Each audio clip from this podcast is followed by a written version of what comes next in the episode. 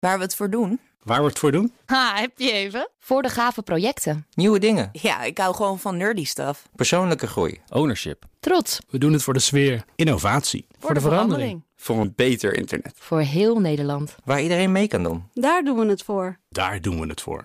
Waar doe jij het voor? Kom werken voor KPN en groei op jouw manier. Check de actuele vacatures op het gebied van data, security, development en networking op jobs.kpn.com/tech. Wetenschap vandaag. Het Maastricht UMC heeft voor het eerst wetenschappelijk kunnen aantonen dat een gepersonaliseerd voedingspatroon, gebaseerd op iemands stofwisselingsprofiel, tot een betere gezondheid leidt. Wetenschapsredacteur Carlijn Meijners is hier om daar meer over te vertellen. Hey Carlijn. Hoi. Ja, klinkt ook wel een beetje logisch, toch? Of waren ze zelf nog verrast dat dit uit het onderzoek kwam? Nou, zeker wel over hoeveel het uitmaakt. Uh, en dat het echt een klinisch relevant verschil is.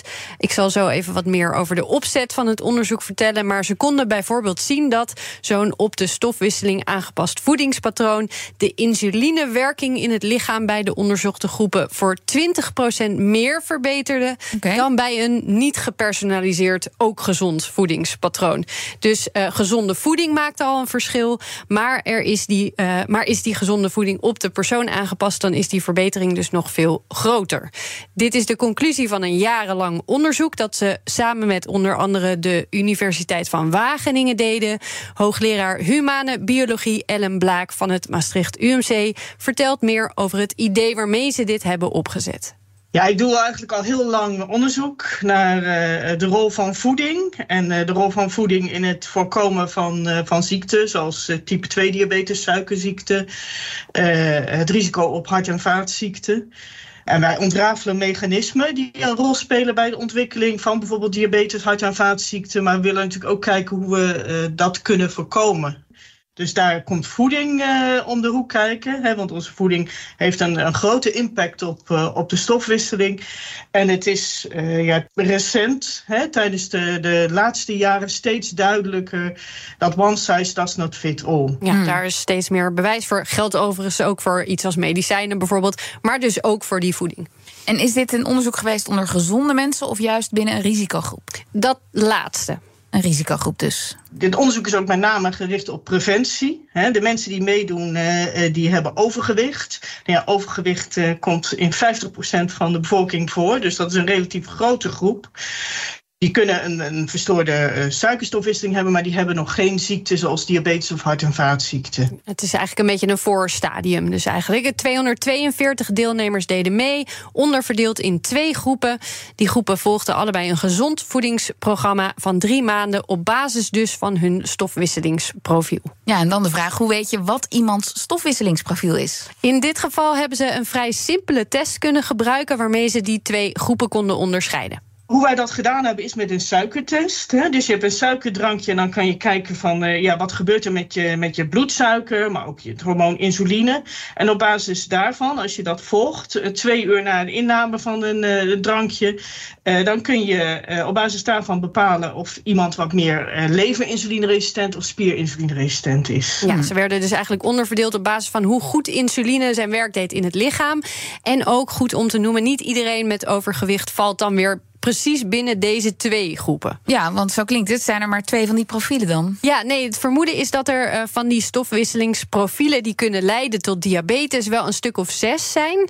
Uh, maar daarvan weten we nog niet genoeg. Daar hopen ze in vervolgonderzoek wat aan te doen. Dan hopen ze ook die andere profielen goed genoeg in kaart te hebben eigenlijk. En kun je ook al iets vertellen over het type dieet dat per groep dan het beste werkt? Ja, ja zeker. Ja. Mensen die minder gevoelig waren voor de werking van insuline in de spieren bleken meer baat te hebben bij voeding die relatief hoog is in eiwit en voedingsvezels en laag is in vet. Dus dan heb je het over veel zuivel en noten, volkorenproducten en groenten. De deelnemers met een verminderde werking van insuline in de lever hadden meer baat bij een voeding met veel enkelvoudig onverzadigde vetzuren. Zoek het maar even op straks. Dan heb je het bijvoorbeeld over veel olijfolie en noten. Die noten komen altijd terug. Ik noten denk, is altijd goed. Noten is altijd, altijd goed. goed ja. Ja. En weten ze ook waarom die diëten beter waren voor deze twee groepen? Ja, dat is er dus eentje voor vervolgonderzoek. Ze hebben wel ideeën, maar zeker weten hoe het kan dat het ene dieet het bij die ene groep dan beter doet en het andere bij die andere groep. Dat doen ze nog niet. Maar dat snappen waarom is ook volgens Blaak wel ongelooflijk belangrijk. Omdat dat, die informatie natuurlijk belangrijk is om het ook te kunnen vertalen op een gegeven moment richting voedingsrichtlijnen. Hè. Je zult toch wel het bewijs moeten geven dat iets ook reproduceerbaar is. Hè. Ook, of ook in een andere populatie mogelijk geldt. en daarvoor moet je begrijpen hoe iets werkt omdat, ja, dat zeg ik met nadruk, omdat tegenwoordig natuurlijk ook wel uh, met alle ontwikkelingen ook uh, in artificial intelligence en modellen en dergelijke vaak voorspellingen worden gedaan. Hè? De een heleboel informatie wordt samengepakt en dan, wordt, dan rolt er een mooie voorspellingsformule uit waarom mensen dan een andere bloedglucose-respons hebben. Maar dat blijft een beetje een black box approach. Hè? Een benadering eigenlijk dat, wat we niet precies begrijpen waarom iets zo is.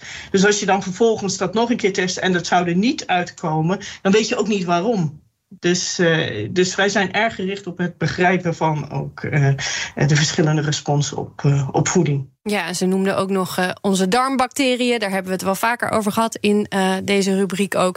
De, die spelen ook weer een rol ja. bij die insulinewerking ook. Dus daar willen ze ook nog meer naar gaan kijken. En uiteindelijk moet die test om te bepalen welk profiel iemand dan heeft ook nog simpeler. Zodat mensen hem in principe gewoon thuis kunnen gaan doen.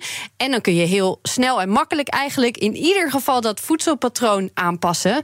Uh, op wat het beste werkt voor hun lichaam. En hopelijk betekent dat dat je kunt voorkomen voorkomen dat je uiteindelijk richting die diabetes gaat, bijvoorbeeld. Ja, dus heel veel mensen in theorie kunnen nu het verkeerde dieet voor hen persoonlijk volgen. Dat zou heel goed kunnen, want uh, vaak wordt nu nog gewoon voorgeschreven: eet gezond. Dit ja. is wat wij vinden dat gezond is. Precies. Maar er blijkt dus echt een grote impact te zijn uh, als je daar nog een beetje de nuance in kan vinden per persoon. Zeker. Dankjewel, Carlijn Meinders.